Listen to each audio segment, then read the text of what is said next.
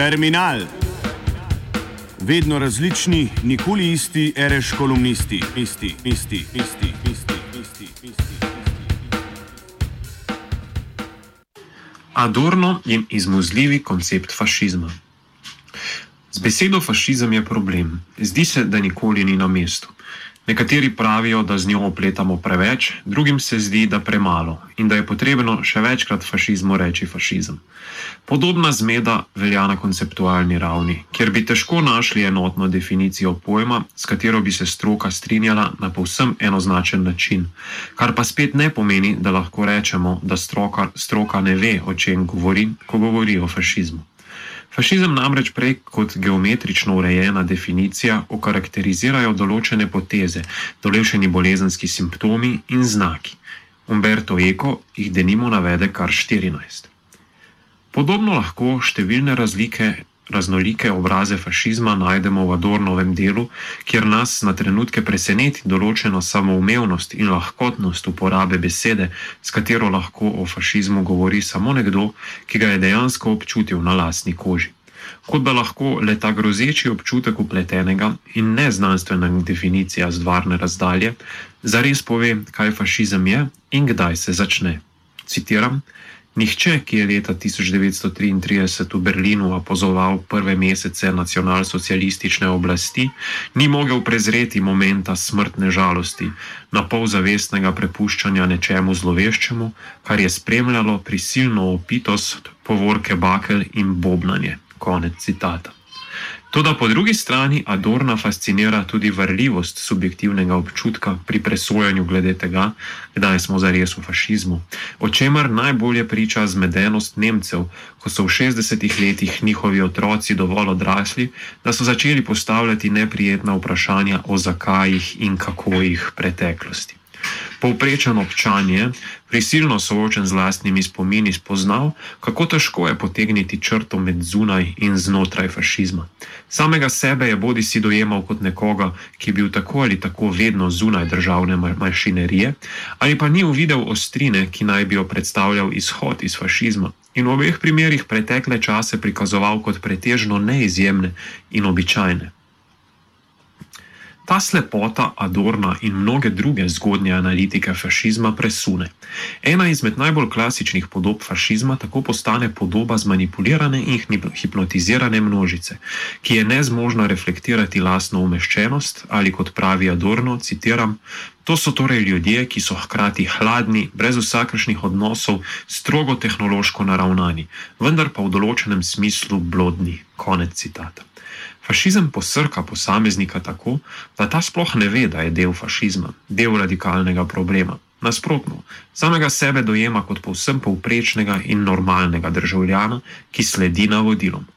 Antifašist je v nasprotju s tem pogosto prikazan kot izrazit individualist, kot nekdo, ki se je zmožen upreti prevladujočim afektom iz lastnega okolja.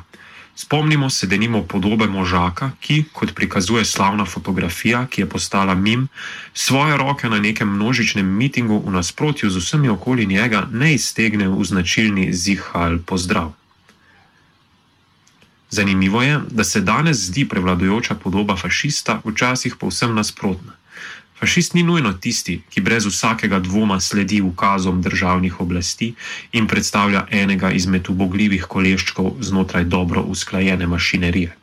Prej je obratno fašist pogosto upodobljen kot tisti, ki nasprotuje in kontrira common sensu, nekdo, ki je nahnjen k spletnim teorijam zarod, ki vzame puško v svoje roke, ki trola na internetu in tako dalje.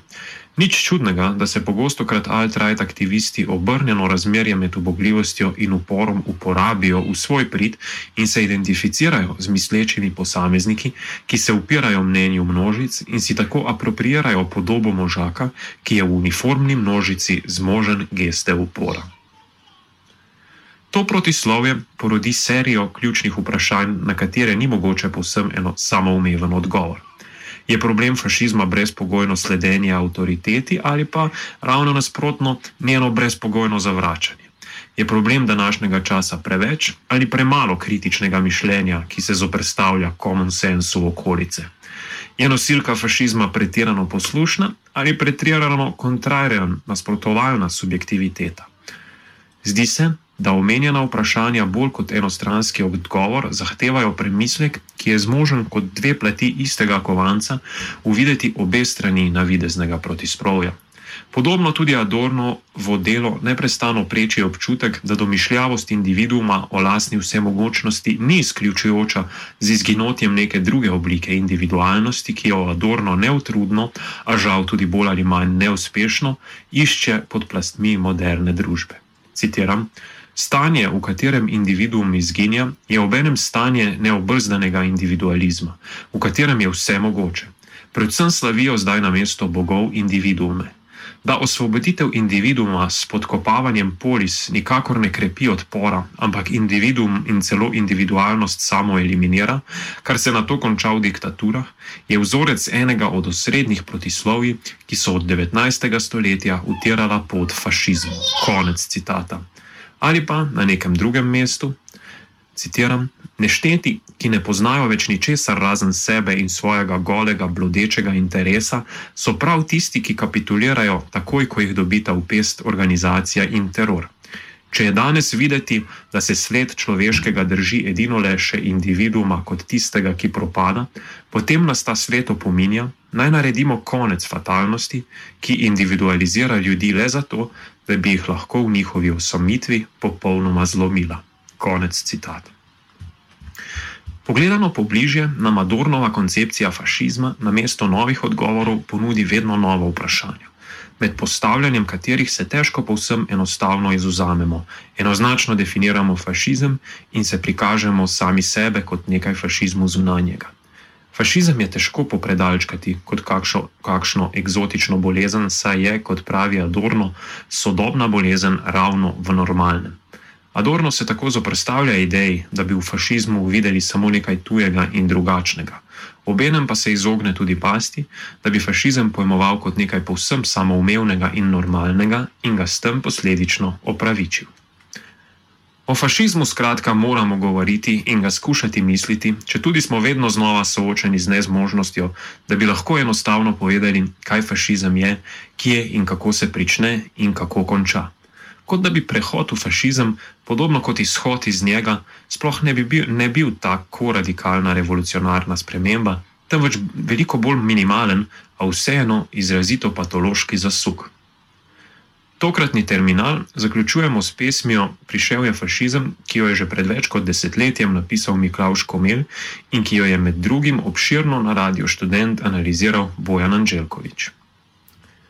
Citiram: Prišel je fašizem. Ne, ne čakam na to, da me ubije, da bom dobil pravico, da to spregovorim. Niti malo ne čakam. Skozi oči mi piha globoko v glavo ledena odsotnost zraka.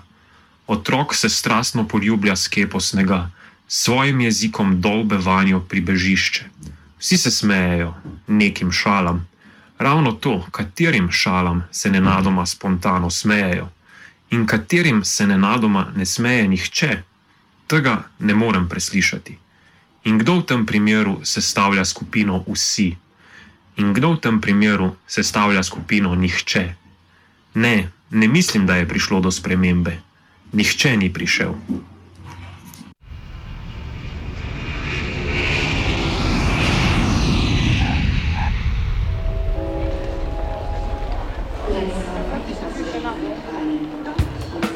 Terminal. Vedno različni, nikoli isti, reš kolumnisti, isti, isti, isti, isti.